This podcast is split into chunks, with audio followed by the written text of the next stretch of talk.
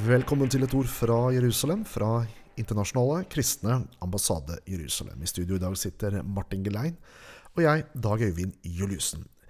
Det er nettopp blitt inngått for første gang en frihandelsavtale mellom Israel og en arabisk stat. Dette er historisk.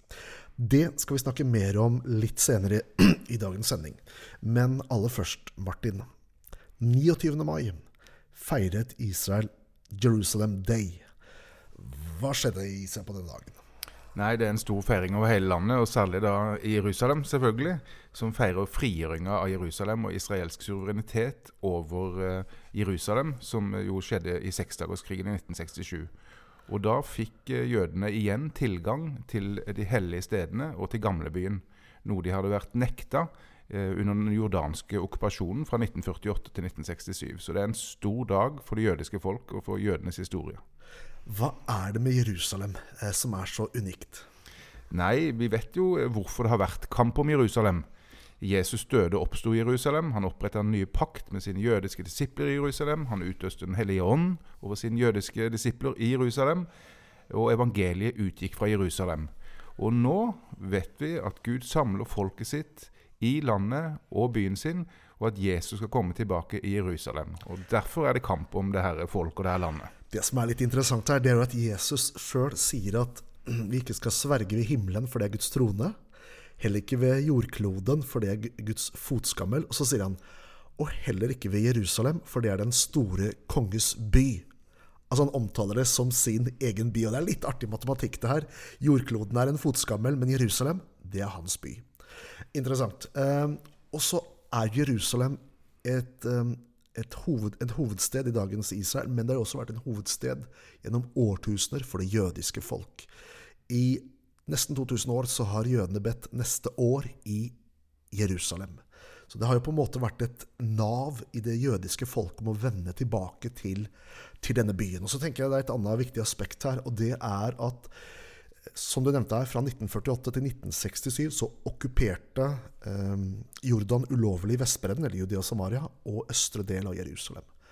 Da ble jødiske synagoger ødelagt. Jødiske graver ble gjort om til, eller gravsteiner ble gjort til trapper og latriner. Og jøder fikk ikke tilgang til sine steder. steder. Mens siden 1967, når Israel har hatt kontroll over hele Jerusalem, så har muslimer hatt tilgang på sine områder. Vi kristne har tilgang på våre områder. Og jødene selvfølgelig har fått tilgang til sine områder. Så de er på en måte vist seg å være rettmessige forpaktere av denne byen. Ja, kristne hadde jo heller i utgangspunktet ikke tilgang til eh, de hellige stedene i gamlebyen Jerusalem. Og de måtte jo dokumentere at det ikke var jøder for å komme inn. Under Jordan? Under jordansk mm. okkupasjon. Mm, nettopp. Og i Israel så heter det at Jerusalem er folkets og landets hjerte.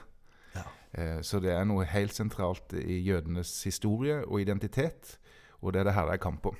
Ja, og det er jo en skam egentlig at verdens nasjoner i all hovedsak, selv om flere og flere land nå vurderer eller flytter hovedstaden sin fra kystbyen Tel Aviv til Jerusalem, så er det, det er jo en skam for Norge at vi ikke har vår hovedstad i Jerusalem. Alle andre steder i verden så har vi hovedstaden vår i eh, Unnskyld, ambassaden vår i hoved, eh, vedkommende lands hovedstad.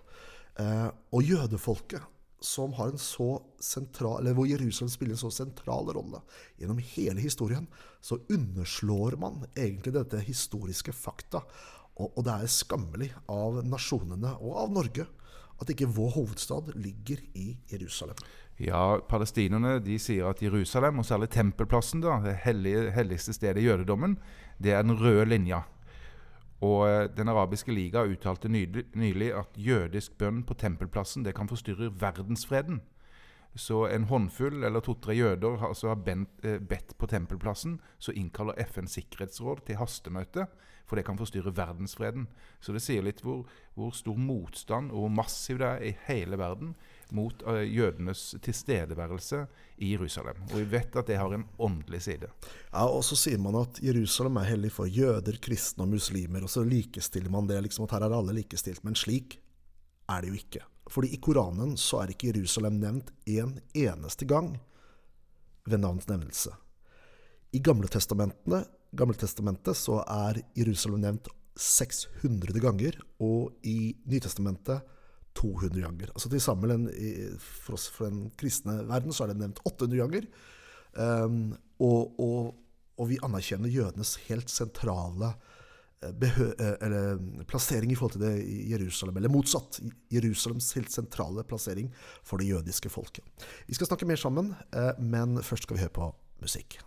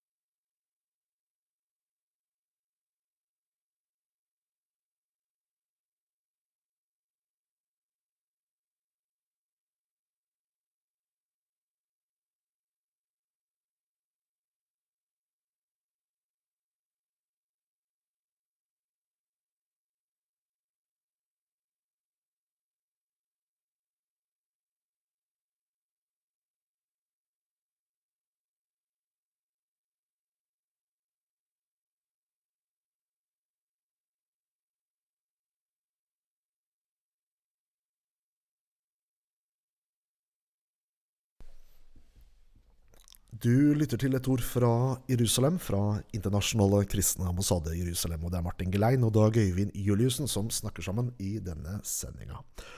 Uh, tirsdag 31. mai så ble det signert en historisk frihandelsavtale. Hva skjedde her, Martin? Nei, De forente arabiske emirater og Israel undertegna en uh, frihandelsavtale i Dubai.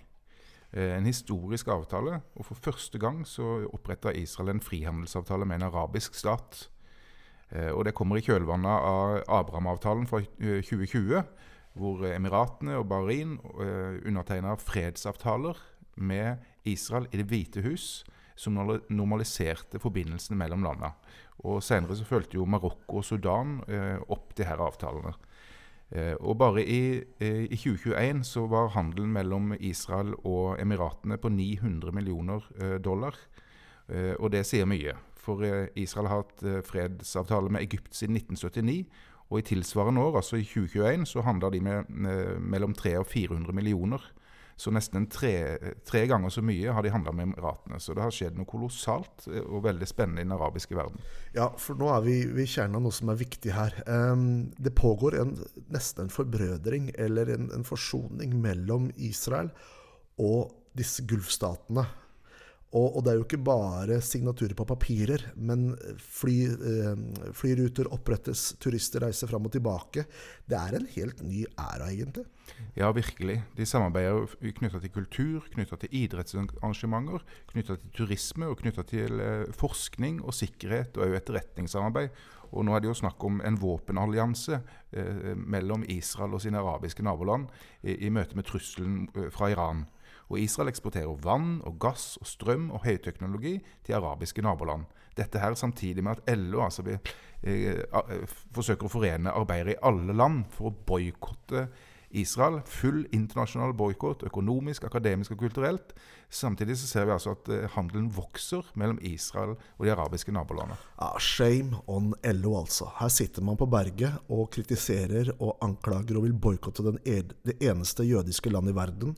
Det eneste demokratiet i hele Midtøsten. Og mens de bygger bro mellom arabiske nabostater og seg sjøl og, og, og, og landet, så sitter altså disse kreftene her på berget Norge og vil boikotte dette. Og det viser jo hvor antifred dette er. For når det bygges fred mellom arabiske stater og Israel, så bygges også samhandel og, og, og, og sam, eh, internasjonalt samkvem. Men, men, men, det LO står for her, det er jo antifred. Ja, det her er en ny æra. Eh, og eh, kolossale historiske dimensjoner. Eh, og LO og andre israelsfiendtlige aktører i Norge, som, eh, som, det er mange av, de motsetter seg det her, og det er avleggs. Ja, det er avleggs, eh, og de blir helt irrelevante i det som skjer på den internasjonale arenaen. Og det er faktisk bra. Da har vi kommet til veis ende i dagens sending et ord fra Jerusalem, fra Internasjonale kristne ambassade Jerusalem. Du hørte Martin Gelein og jeg, Dag Øyvind Juliussen, takker for følget. Gud velsigne deg.